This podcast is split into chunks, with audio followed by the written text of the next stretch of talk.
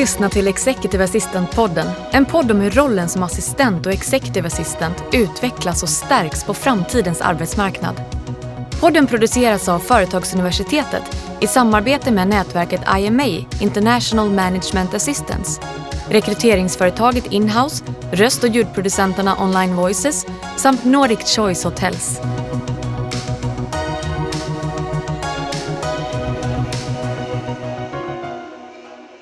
Välkommen till Executive Assistant-podden där vi pratar med världens bästa kollegor om världens bästa jobb. Jag heter Daniel Kjellson.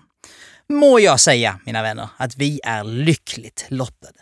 Det har just i detta nu aldrig varit mer spännande, mer utvecklande och roligare att vara executive assistant. Och det, det är en utveckling vi ska kasta oss in i och prata om här idag. Med oss på denna resa är ingen mindre än Maria Cirillo, Executive Assistant på Skogsindustrierna, National Chairman på nätverket IMA och branschkändis i största allmänhet. Välkommen Maria! Tack. Du, du, ser, du, ser, du ser frågande ut. Ja, branschkändis. Det lät lite så stort tycker jag, men det var väl trevligt. Tack. Ja, ja verkligen. när, jag, när jag var på väg hit idag så kände jag så här, varför känns det alltid lite som en fest att få prata med Maria? Därför att du och jag har ju träffats nästan bara när det är På fest. fester? Ja, det är därför tror jag. Det var en av tankarna Ja. jag hade. Jag, jag, tanken var så här, jag tror det, vi träffas ju alltid i festliga sammanhang. Eh, samma sak idag. Mm. Eh, men också att du, du, du, du har en aura av optimism tycker jag. Mm, tack. Och det försöker jag nog att... Eh, det tror jag faktiskt är en viktig faktor i våra jobb, att vi är optimister. Mm. Och det är därför det är både kul att ha det här jobbet och att ha de här roliga och trevliga kollegorna runt Ja. om i världen. Tycker du att vi är i, står vi inför, är, är vi liksom i en stund som behöver lite optimism? Tror du? Absolut. Och jag Mm. kan känna själv att jag vacklar i det nu efter snart ett år corona faktiskt. Mm. Jag eh, gick in i den här pandemin och lockdown eller vad vi nu ska kalla det för i slut, mitten på mars och kände att nej men jag, jag köper det här. Det är helt okej att sitta hemma och jobba och det är helt okej att vi ställde in påskfesten med familjen och Mm. jag kan ta det här som ett litet breakdown i livet liksom och, Mm. och man fick vila sig lite i det hela. Mm. Men, och sen var det ju lite mer positivt under sommaren och då, ja, men sen nu känner jag när det har liksom sista veckorna här, senaste veckorna, Mm. Blivit så här tufft igen runt corona och man ska börja gå hem igen och jobba mer hemifrån och man ska inte åka kollektivtrafik och allt vad det är. Mm. Så känner jag att nej, nu är det väl bra trist. Men Mm. man måste hålla upp det där optimistiska då tror jag mer än, mer än någonsin. Ja. Och, och visst är det så, jag menar, det är mycket samspel här nu, men jag menar, rollen som sådan kan vara en liten ensam roll i vissa sådär. Vi ska prata lite om, om IMA och nätverk, värdet av ett nätverk idag igen. Och också som du säger kring det år som vi har haft på något sätt. Jag var likadan, jag gick in och tänkte jag behöver inte träffa folk, det är kanon det här, jag funkar jättebra ensam. Och som du sa, snabbspola fram, sen var det inte lika roligt längre. Då känner man att oj, det, även om man funkar jättebra själv så behöver man den där aspekten av mänsklig kontakt och interaktion. Liksom. Så allt det där kommer sammanspela idag. Jag började säga med att, att jag tycker att det här kanske är den mest spännande tiden någonsin att, att, eh, för yrket, för rollen som executive assistant. Och, och jag vet att du tycker samma sak. Varför tror du att det är så? Jag tror att, eh, jag brukar, när man får den här frågan eller när man pratar om min yrkesroll eller vår yrkesroll, executive assistant, så brukar jag se tillbaka lite grann och tänka på att på 90-talet så fanns det väldigt mycket assistenter och eh, av skiftande slag. Mm. Sen blev det ju väldigt mycket uppsägningar och eh, många med administrativa jobb blev uppsagda. Och på något sätt, när man sen börjar anställa igen, så börjar man att anställa assistenter lite på högre nivå. Man ställde högre krav på att anställa. Man skulle ha mer gedigen förkunskap och så här. Och det tror jag gjorde att jobbet i sig fick en, liksom, en annan inriktning. Och eh, det gör att idag så tror jag vi jobbar, vi jobbar ju inte med de här traditionella uppgifterna. De finns ju alltid som en grund. Mm. Men vi gör ju så mycket mer. Ja, utvecklingen har väl egentligen aldrig stannat av. Nej, det liksom går på hela tiden framåt. Ja, för sen Ja. kom ju digitaliseringen Mm. på något sätt. Nå, ja, vi befinner oss alla på olika tidslinjer, men Mm. den kom ju för 20 år sedan, 15 år sedan, 10 år sedan, jag vet inte. Ja, den, jag har ett sånt här starkt minne av digitalisering. Den första för att i min dotter är 24 år Mm. och där jag jobbade då eh, jobbade jag inte precis som executive assistant utan jag hade en annan roll, men ändå. Mm. När jag gick hem och blev mammaledig, då skickade vi bara mejl internt inom den organisationen. Vi skickade aldrig utanför. Nej. Och sen när jag kom tillbaka 12 månader eller 11 månader senare, Mm. då var det full gång med att man mejlade utåt. Så att menar, det gick väldigt fort där och det är 96. Och sen har det ju skett otroligt mycket. Mm. Och nu sista då, coronaåret, då har vi verkligen fått lärt oss jättemycket om digitalisering the hard way. Så att det har ju hänt, och det här har ju verkligen med vårt yrke att göra. Mm. Verkligen, exakt. Ja. Ja. Det slår ju rakt in i Mm. den kommunikationskärnan. Liksom. Om vi går tillbaka ännu, skogsindustrierna. Mm. Berätta lite om vad ni gör och, och din roll där på plats. Ja. Skogsindustrierna är jätteroligt att jobba på. Det är verkligen så här, om man pratar om någonting som ligger i tiden så är det ju skogen. Mm. Det är ju i skogen Sveriges framtid växer brukar vi säga. Skogsindustrierna är ju en intresseorganisation för, stora sko- eller för skogsbolag, alltså som har industri. Mm. Och skogsägare som har industri så att säga. Och eh, vi jobbar ju med att ett opinionsbildande verksamhet kan man ju säga är Mm. en mycket stor del av det vi gör. Mm. Mot politiker, mot organisationer i Sverige och föra fram sko- hur sko- viktig skogen är för bioekonomin och för Sveriges framtid och för tillväxten och för inte minst för klimatet. Mm. För vi behöver verkligen skogen och skogens produkter för att kunna hålla upp ett, ett bra klimat i vårt Ja. land och en hållbarhet. Mm. Och det är det vi gör. Sen har vi även delar som är forskning och innovation och vi jobbar med sådana saker. Och hela den här kommunikationsbiten utåt. Mm. Och det jag gör där då, jag jobbar ju som executive assistant till vdn för skogsindustrierna. Mm. Och för ledningsgrupp och styrelse då, så jobbar jag med. Och det är ett jätteroligt jobb för att dels så gör man det traditionella men man får ju Mm. också vara med i hela den här opinionsbildande utvecklingsresan Mm. med skogen i centrum för den svenska utvecklingen. Och är det viktigt för dig att, att vara engagerad i alltså, så- en så positiv rörelse ändå? Jag tycker att för mig är det viktigt att jag Syftesdriven om man ska använda Ja. the buzzword. Liksom. Ja. Det är det, det måste jag säga. För jag känner att eh, på något vis vill jag känna att jag bidrar med någonting när jag går ur sängen på morgonen och åker till jobbet. Det är det som får mig, vi har ju alla olika drivkrafter, Mm. men det är, mig, det är det som får mig att eh, ticka och gå igång. Och det här med att jobba nära politiken och nära en samhällsdriven organisation, Mm. det gör ju att jag känner att jag bidrar med någonting för alla oss människor varje dag när jag går till jobbet.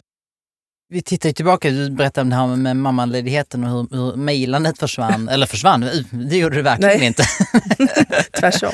Eh, Precis. Um, vad, vad händer, vad, hur fortsätter den kurvan tror du? Nu står vi här, vi har fler videomöten än någonsin, vi blir mer digitala, virtuella. På något sätt så finns det så här, relationer med chefen kanske blir ännu mer mindre kaffemaskinen och mer liksom plattformsberoende. Hur tror du att det här ser ut framåt? Jag tror att det kommer att komma en tid efter corona när vi kommer att förändras mycket Mm. med det här. Och jag tror att vi kommer att känna oss mer trygga med den digitala plattformen. Vi kommer att jobba mer digitalt. Vi kommer nog att ersätta många fler möten med kanske digitala möten. Men Mm. samtidigt så tror jag att det kommer att finnas en slags eh, törst efter att Mm. träffas. Så jag tror liksom inte, jag tillhör inte de som tror att allting kommer att bli utbytt. Nej. Utan jag tror vi kommer att återgå till kontoren och vi Mm. kommer att stå vid kaffemaskinen och hänga. Mm. Men jag tror att vi kommer att ha sett att det här fungerar och Mm. då kommer det bli så att istället kanske för att kosta på resor att åka för en person så, så kanske den får vara med digitalt tre av fyra gånger. Man kanske Mm. åker lite mindre. Vi kanske kommer att jobba med färre resor helt enkelt. Det gör ju vi Mm. mycket i vår roll, jobba med resor. Ja. Och det tror jag kommer att dras ner lite grann. Dock Mm. inte tror jag det kommer att ta slut helt, men vi kanske kommer att Mm. väga lite. Mm. Ska vi verkligen åka på det här eller kan vi vara med digitalt? Kan Mm. vi ha ett hybridmöte? Och det var ju som vi inledde med att säga att, att jag, menar, jag tror vi alla känner den här törsten lite. Mm. Um, men vad härligt ska det bli att få gå ut och käka middag igen eller åka på en resa eller sådär. Ehm, men kanske kommer vi också att uppvärdera då när vi faktiskt ses. Mm. Eller hur? Och det kan ju mycket väl påverka ett ledningsgruppsmöte eller, så, eller sådär. Okej, nu när vi verkligen, liksom, inte kostar på oss, men liksom, när vi väl tar tid och möjlighet att ses, då kanske man behandlar det lite annorlunda. Vi har varit lite bortskämda med det kanske. Jag tror det också. Jag tror att det kommer att bli, och där tror jag vår roll kommer att komma Mm. in som är en form av eh, mänsklig del eller vad vi nu säger. Mm. Vi är ju det här sociala kittet lite på, Mm. Mm. på kontoren eller på arbetsplatserna. Och där tror jag att i framtiden, om vi då kommer att bli lite mer restriktiva med när vi träffas, Mm. då kanske vi måste tänka lite mer på att när vi träffas så måste Mm. det vara eh, lite, lite bättre. Lite, bet, lite bättre, liksom. Ja. Lite, lite roligare, lite trevligare eller vad vi nu säger. Vi måste kanske ha lite mer fingertoppskänsla där och känna vad ska vi lägga in Mm. i det här fysiska mötet Mm. som är var tredje gång eller var fjärde gång eller vad det nu kan Mm. vara. Mm. Mm. Har, du, har du tänkt på, alltså nu då, under, vi ska inte titta så mycket tillbaka, men det är lite svårt för man har ju blivit så tilltufsad i år. Ehm, när man då har tittat på eh, chefen agera i olika möten, eh, större grupper i möten, och in, som människor är vi ju utrustade med sådana fantastiska känselspröt. Så sitter man i ett möte personligen då, um, eller fysiskt eller vad vi ska kalla det, så känner man ju så här, oh det var lite dålig stämning där, eller alltså sådana saker. Um, och, och då agerar vi ut efter det. Har du känt någonting liksom med din chef eller hur ni opererat? det kanske är en, jag måste, det kanske är lite annorlunda kompetens att vara lika emotionellt, emotionellt inte, intellektuell digitalt? Förstår du vad jag menar? Där? Ja, det är svårare att se Ja. de här eh, de här små fina Ja. ansiktsuttrycken och det här. När man det är, som man plockar upp bara genom att, att vara mm, måste man kanske träna lite på. Jag, jag, jag, jag famlar lite här men det finns någonting där Mm. tror jag. jag tror att det är svårt och jag ty, tycker, jag, jag menar du kan ju också, dels för att det ska funka bättre tekniskt, stänga av kameran och så här Mm, och då vet ja. vi ju ingenting. Nej. Vad tycker Kalle där han sitter om det här? Eller Precis. sådär. Man kan inte fånga upp de här bilderna. Så därför tror jag det, för det första så tror jag det är bättre att vi måste, det ligger lite på oss att, att förbereda de här mötena väldigt Mm, bra. Att, det, mm. att material är väldigt bra innan och att vi också lär oss tekniken så att inte den strular. För då tror jag att det blir mycket irritation. Mm. Sen är det väl så att det är bäst att vi är förhållandet assistent-chef Mm. kanske krävs ännu bättre att vi lär känna varandra. Mm. För att, eh, så att vi två fångar upp de här signalerna. Liksom att nu är det någon, så att vi två kan Mm. klira där. Precis. Och, och, och även gentemot varandra. Ja, För, det att, var så jag tänkte också. för det är så någonting jag vill påminna om i den här podden. Vi lyfter ju ofta och gärna och hela tiden fram framgångsexempel på arbetsrelationer, system och processer och taktiker och allt möjligt. Men att poängtera att det är ju liksom ingenting som bara händer. Utan Nej. det har ju arbetats fram metodiskt under åratal Mm. Ehm, och det kan ju vara så att, jag menar, om man jämför, du kanske träffar, eller någon träffar sin chef varje dag innan kanske och, och hade den intentionen. Men någon annan kanske börjar idag med en ny chef och kommunikationen och relationen är primärt digital. Och att bygga relationen därifrån, alltså det kanske var, är lite andra byggstenar som vi måste börja titta lite närmare på för att Mm. få till de där relationerna som funkar. Absolut, och det känner jag nu för jag har en ny chef sedan eh, 14 september. Mm. Och eh, nu hade vi ju turen att de första veckorna där kändes ju allting väldigt så här frid och fröjd egentligen. Så jag och hon har ju varit väldigt mycket på kontoret. Vi har Mm. väl varit ungefär fyra dagar i veckan tillsammans på kontoret. Ja. Och det känns ju jättebra, för jag känner ju nu när vi sen Mm. ja, ungefär två veckor tillbaka inte har varit där tillsammans, Mm. att, eh, och just genom att vi är så, så nya i vårt team, Ja. att det blir ju svårare då. Hur ofta ska man ringa till varandra och fråga saker? Hur, Mm. Är det här bara en småsak egentligen eller är det något stort? Mm. Eh, nu funkar det jättebra, men jag menar, det är svårt och jag kan tänka mig också, jag har kollegor i nätverket som har börjat nya anställningar under corona och suttit I liksom, IMA då menar? I IMA, ja. Mm. och som har suttit hemma liksom hela första månaden och haft sin chef på, på bara digitalt. Jättesvårt. Och det måste ju ha varit jättesvårt. Mm.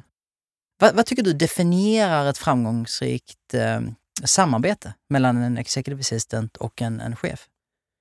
Jag tycker att det som är det viktigaste det är öppenhet egentligen. Att man, att man är väldigt öppna med varandra och att man känner ett stort förtroende. Så att man i den här, för det är ju en speciell relation, att man kan vara helt öppen och sen vad man, hur man sen är när man går utanför dörren eller när man är ut mot organisationen eller så. Mm. Kanske man inte kan vara lika öppen, men det är svårt att vara en bra assistent och det är svårt att vara en bra chef som får den hjälp den behöver av sin assistent om det inte finns öppenhet och förtroende. Mm. Det tror jag är jätteviktigt. Ja, och, du och jag brinner ju båda, eh, nu talar jag för dig, men jag drar med dig i det här. Vi brinner ju båda på, på, för att lyfta den här rollen till nästa nivå hela tiden och fortsätta utveckla den. Och att lyfta den här rollen är ju liksom ett sånt där svepande begrepp. Va, vad betyder det för dig? För mig, jag har tänkt mycket på det, för jag har verkligen alltid jobbat för att lyf- lyfta den här rollen. Eh, det är lätt att man tänker att det här är ett jobb man åker in på på ett bananskal och sen gör man någonting bra av det eller också så tycker man inte det är så kul och så slutar man och gör något annat. Men det, även det här jobbet är ju faktiskt en form av, det är ju en karriär. Mm. Eh, och eh, det jag att lyfta rollen tycker jag är att man måste inpränta att man verkligen, det här är ett yrke och man måste lära sig att ta för sig. Och där tycker jag att eh, vi då som nätverk, om jag får prata om det, har en strålande roll att inpränta det och ge våra medlemmar kunskap. Mm. För att det är inte alltid så himla lätt att ta för sig. Men man behöver liksom säga, ja, men jag, våga sträcka upp handen och bara när det, någon, när det pratas om någonting. Vem kan ta hand om det här projektet? Jo, men jag kan göra det. Eller jag kan leta upp den där uppgiften. Eller jag kan göra... Att våga liksom ta fram foten och Mm. eh, säga att jag kan, ta för sig. Det är ju en väldigt Mm. viktig roll, att lyf, väldigt viktig del av att lyfta rollen. Sen finns det ju andra delar. I till exempel tycker jag ju Företagsuniversitetets utbildning, Executive Assistant Masterclass, som jag har gått. Mm.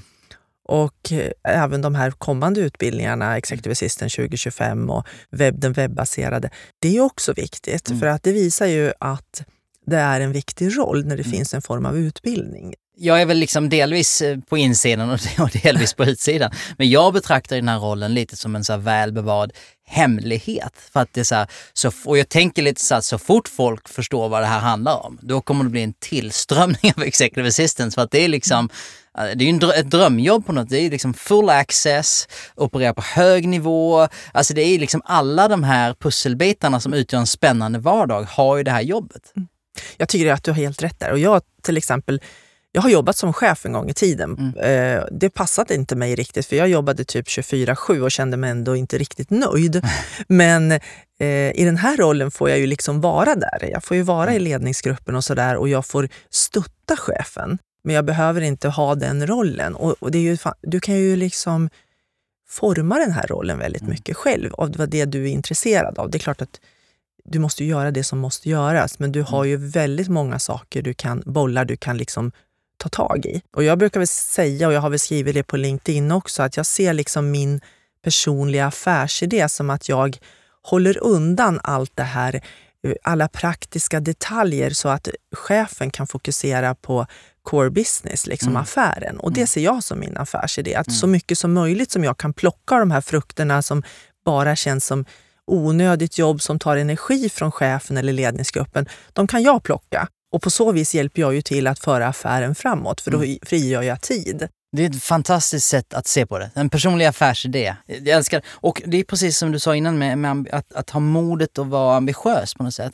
Ett första steg till det är ju också, och återigen, inget av det här händer över en natt. Det ska man inte inbilla sig, utan det är små, små steg hela tiden.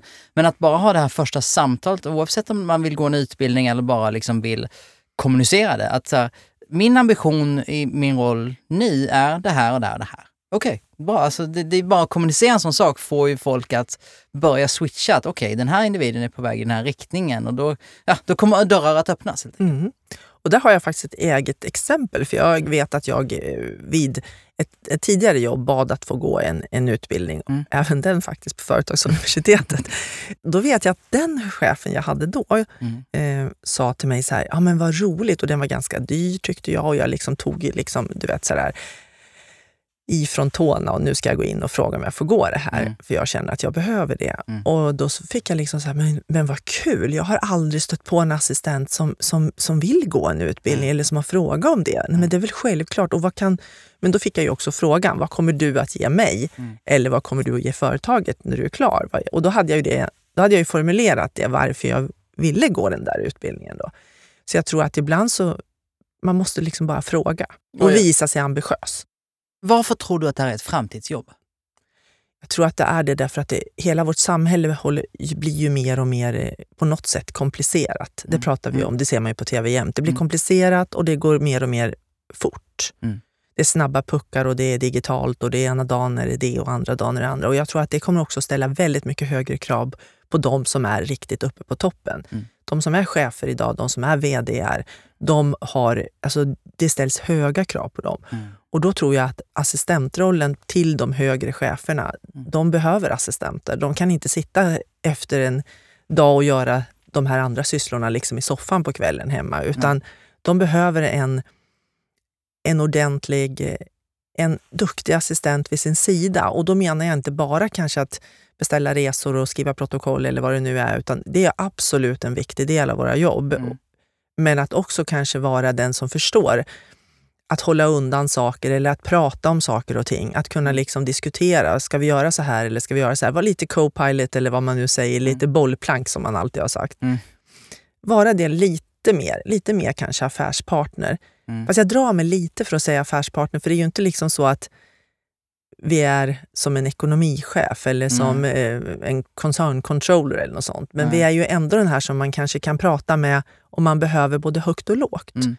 Och att ha den här personen också som har eh, en blick ut i organisationen. Mm, ja. Som kanske då den här chefen i sitt höga tempo med alla krav som ställs inte kanske orkar se eller inte har möjlighet. Men man Nej. kanske då har den här assistenten som säger Alltså nu verkar det inte funka riktigt bra där borta på den och den avdelningen. Eller Mm. nu finns det de som mår dåligt. Eller nu finns det de som tycker att det är jättekul. Eller Mm. att man har lite den här, soci- den här Mm.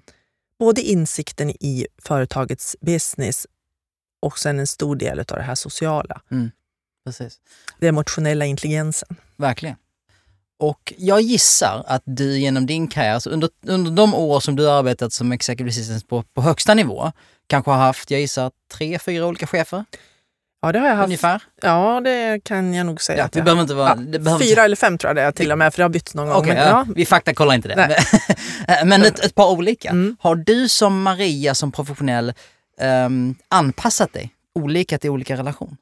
ja, men det tror jag är så här att det, det blir ju automatiskt, annars skulle man nog inte passa, eller annars skulle man i alla fall inte trivas i den här rollen tror jag. Man passar ju olika bra med olika människor, Mm. men passar man inte eller kommer man inte överens med sin chef, det har inte hänt mig. Nej. Men då ska man ju inte jobba vidare, då tror jag man ska söka sig till ett annat Ja, företag. visst är det så. Det, det Ja. låter som att man förenklar det svaret, men det är nog så kanske. Ja, men däremot så tror jag att man, jag hade ett väldigt tydligt sånt exempel på ett, ett ställe, det var inte det jag jobbar nu, men på ett Mm. annat ställe där jag Mm. jobbade med en chef och vi trivdes fantastiskt bra ihop. Mm. Sen kände nog jag så här när vi hade jobbat ihop med fem, sex år att mm, undrar om jag ska söka mig till något annat företag eller något annat. För vi trivs så bra ihop, men Mm. vi har nog gjort liksom, utvecklingsresan, den stannar nog här någonstans nu. Liksom. Och sen slutade, innan jag hann liksom börja se mig om efter något annat, så avslutade han sin anställning och jag fick en ny chef. Okej. Och eh, som jag också trivdes helt Och då Mm. blev det helt plötsligt ett helt annat jobb. För han hade en helt annan ledarstil. Och jag har inget, liksom, inget var bättre än att vi triv, jag trivdes med båda. Men Ja, då kände jag att då blev det som att byta jobb. Ja men precis. Och det Så- är det för, förkni- man är så förknippade med sin chef. Men alltså Mm. det är ju så, det, man, man dansar tango är ännu värre. Men, men, men alltså det, man är ju så förknippad med varandra på något sätt. Mm. Det är ju så här om det, det måste funka. Ja, det måste verkligen Ja. funka. Liksom. Sen tror jag att man kan, man kan ju lära sig varandra. Verkligen. Finns det någon gång under din karriär då du har känt att nej men det här vi gör just nu, det här pusslet, det funkar inte?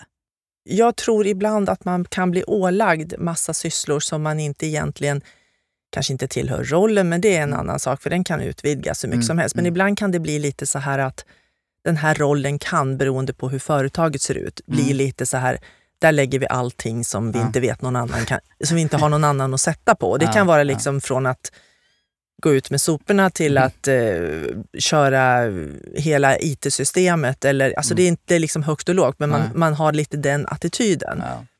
Och det tror jag är en farlig väg, för då blir det också en sån här diverse handel och då blir ingenting bra. Nej, nej. Och speciellt Även om- eftersom målgruppen, alltså det, är en, det är en problemlösande personlighet ofta. Och vi Ja. vet ju vad som händer med en problemlösare, det är ju som en magnet. Mm.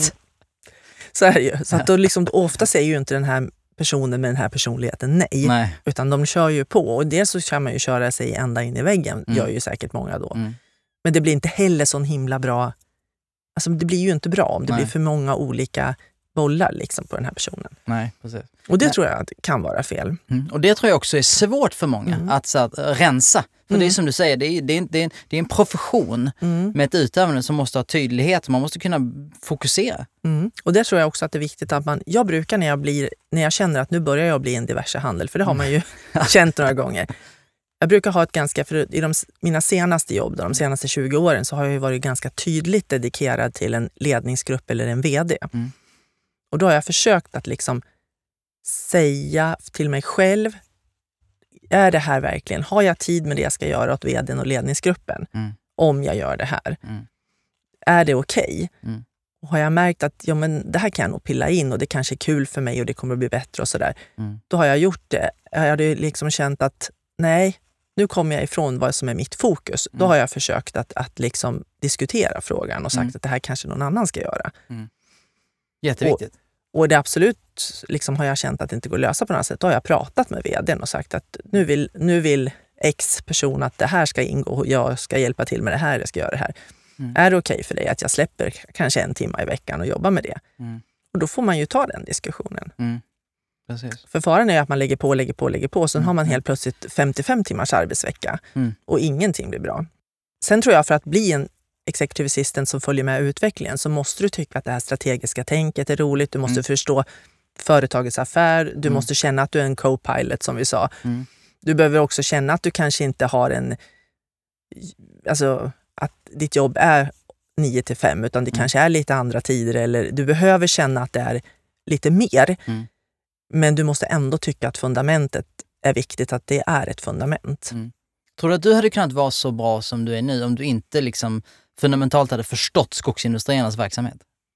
Jag tror att jag är bättre assistent eftersom jag förstår det. Och att jag tycker ja. dessutom, och det är inte bara att jag förstår det, utan jag tycker verkligen att det här är en rolig verksamhet och en viktig verksamhet för samhället. Mm. Gav du dig på, alltså inför det här, nu använder jag bara det som exempel för att det är ditt jobb. Eh, men inför du, du, du klev ombord där, gjord, vad, vad, liksom, hur såg processen ut på något sätt? Läste du på? Vill du liksom... Ja, processen var ganska rolig för att jag ja. var i en situation, jag är så här att jag hamnade i en situation i mitt eh, yrkesliv mm. före skogsindustrierna som var så att jag fick en ny vd som tog med sin assistent. Mm. Så att jag, jag blev i och för sig erbjuden andra jobb på företaget och mm. sådär, men jag mm. beslutade mig för att jag skulle sluta då. Mm. Det här är ju en situation också som, många, som en del vd-assistenter eller executive assistants hamnar i ibland. Mm, ja. Och så är det.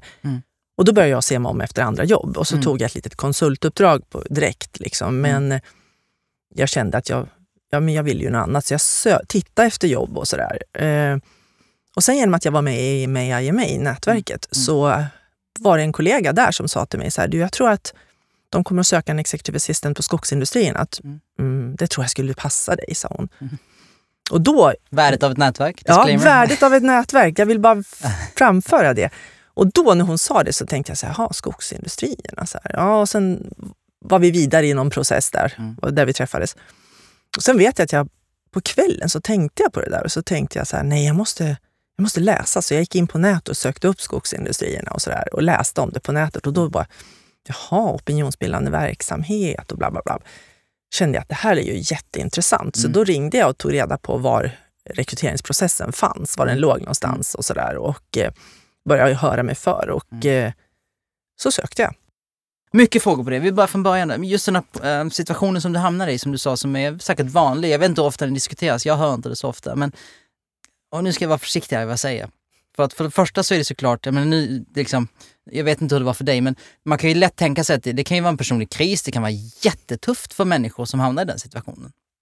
ska man inte liksom under, ja, underminera alls. Um, samtidigt, och det är nu jag ska vara försiktig, nu är vi kontroversiella här. Nej, men vi, vi pratar ju om en roll på uppgång, en strategiskt viktig roll, en, vi, vi ser den här kurvan framför oss. Och jag menar lite som en VD och som våra chefer, de har, på något sätt så signar du upp för ett visst riskmoment på den nivån. Du kan, det kan hända, du kan, du kan bli utbytt helt enkelt. Och när vi då professionellt jobbar oss in på den höga nivån och är så nära våra, våra chefer, så är det ju objektivt inte så konstigt att man rör sig i par ofta. Liksom. Um, så, jag, så jag tror att det är liksom en vanligare situation än vad man kanske hör om och kanske, det är nu jag ska vara försiktig, något som man får halvköpa ibland. Och eller vara förberedd på ett bättre uttryck. Du, jag tror att du kan ha lite, lite, jag tror att du kan ha lite rätt där. Och jag säger, det, jag hade inte tänkt så kanske innan jag hamnade i den. Jag har däremot hört att den, den har funnits och jag har hört det i nätverket och sådär. Och speciellt då kanske i stora industrier med väldiga såna industrimagnater som har kom, liksom, tagit jobb i par. Mm, så. Ja. Eh, det jag kan tycka då, och jag kan väl hålla med om det, att vill vi nu att den här rollen ska signa upp och vi vill utvecklas och vi vill känna oss som den här co-piloten mm. med, med vdn som executive assistant, så kanske det är en risk vi får ta. Mm. Men då kan jag ju tycka också att då kanske vi behöver se den, man behöver ha då mm. Det med när man löneförhandlar, att man har den här risken. Verkligen. Man behöver ha det med när man kanske skriver olika former av avtal, att den här mm. risken finns. Mm. För det är ju liksom där vi, mm. det har inte varit så tidigare och då kan man ju hamna i en konstig situation Verkligen. om man känner att nu hamnade ju jag i en situation där jag ändå kände mig omtyckt på min förra arbetsplats Mm. och jag kände att de verkligen, jag blev erbjuden Mm. tre andra jobb eh, så att välja mellan. Mm. Och eh, kände mig inte på något sätt nedvärderad. Nej. Sen var det en jättekonstig situation alltihopa. Det var ju liksom, Mm. jag kände mig jätte... Ja men det var ju mer så här personligt, där man kände sig, men vad är det här nu då liksom? Mm, mm, mm. Men du, är- du är ju ändå stentuff, men var det liksom, var det, det, var, det måste ha varit tufft? Ja, det var tufft. Jag, Ja. jag, såg, jo, jag såg det nog komma egentligen. Det gjorde jag nog. Men ibland Mm. slår man ju bort saker sådär. Men, Mm. men eh, det var tufft. Men, och sen var det ju tufft att ta beslutet. Ska jag ta ett av de här tre jobben som... Ja, två av dem som jag blev erbjuden, det visste jag på en gång att det kommer jag inte att göra för att Mm. det, det kommer inte funka. Och eh, det tredje var ju sådär, mm, kanske. Men det kände jag ändå att är man är sig själv närmast. Och då Mm. tänkte jag, jag är, jag är inte jag är väldigt mån om att ha ordning och reda på min ekonomi och ordning och reda på allting. Så jag är inte så här tuff med att bara lämna ett jobb. Nej. Men eh, det gjorde jag faktiskt då. Mm. Då bara så här, nej men jag slutar istället. Mm. Sen var jag ju på en konsultfirma och fixade det där konsultuppdraget liksom Mm. så på en gång. Men jag tror att det också är att jag har jobbat ganska mycket med min eh, vad ska jag säga, med min karriär innan Mm. och ju också gått utbildningar och Mm. var en del av ett nätverk Mm. eh, hade gjort vissa saker på den arbetsplatsen som ändå hade stuckit ut.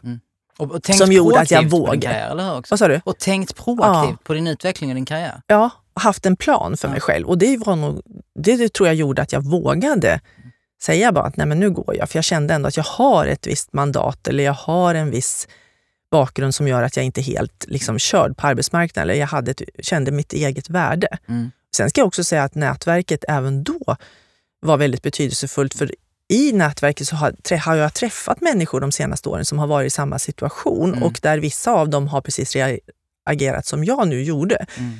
Nej men jag, jag lämnar det här. Mm.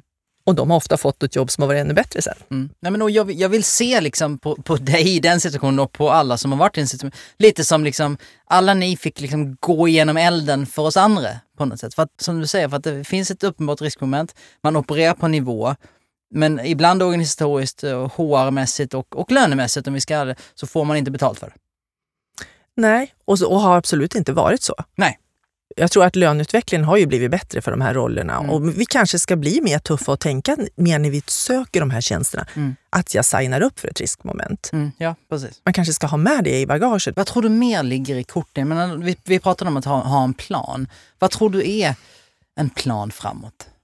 Jag tror man måste vara förberedd på snabba svängar. Man måste vara förberedd på att eh, försöka sätta sig in i den affären man jobbar i, Mm. så man förstår den. Och sen, jag kan ju tänka, man kan inte förstå varenda detalj eller varenda teknisk detalj, eller något sånt, men att man förstår vad core business är. Liksom. Mm. Det måste man vara beredd på. Och sen måste man vara beredd på att eh, ligga lite före när det gäller så här utvecklingsfrågor. Att även om man tycker att det kan vara ganska trist att lära sig Teams eller vad det nu ska vara, så måste man ändå liksom bara sparka sig i baken och göra det. Mm. Eh, det tror jag är viktigt för framtiden, att man inte är rädd för nya saker. Maria, då ska vi summera det här. Jag tänker på värdet av ett nätverk i, i med och motgång. Att, att ha den där gänget kollegor som finns och stöttar. En plan för den egna utvecklingen. Kanske en tanke på det här riskmomentet som vi inte har eh, identifierat tidigare. Har jag missat någonting? Nej, att, man, att man verkligen förstår sin verksamhet där man jobbar Mm, och bygger upp en relation med sin, med sin eh, chef. precis. Strålande. Maria, tusen tack för att du är den du är, för allt du gör och för allt jag är övertygad om att du kommer att göra. Och eh, stort tack för att du har varit här. Tack själv, det var trevligt. Du har lyssnat till Executive Assistant-podden producerad av Företagsuniversitetet i samarbete med IMA, International Management Assistance, Inhouse, Online Voices och Nordic Choice Hotels.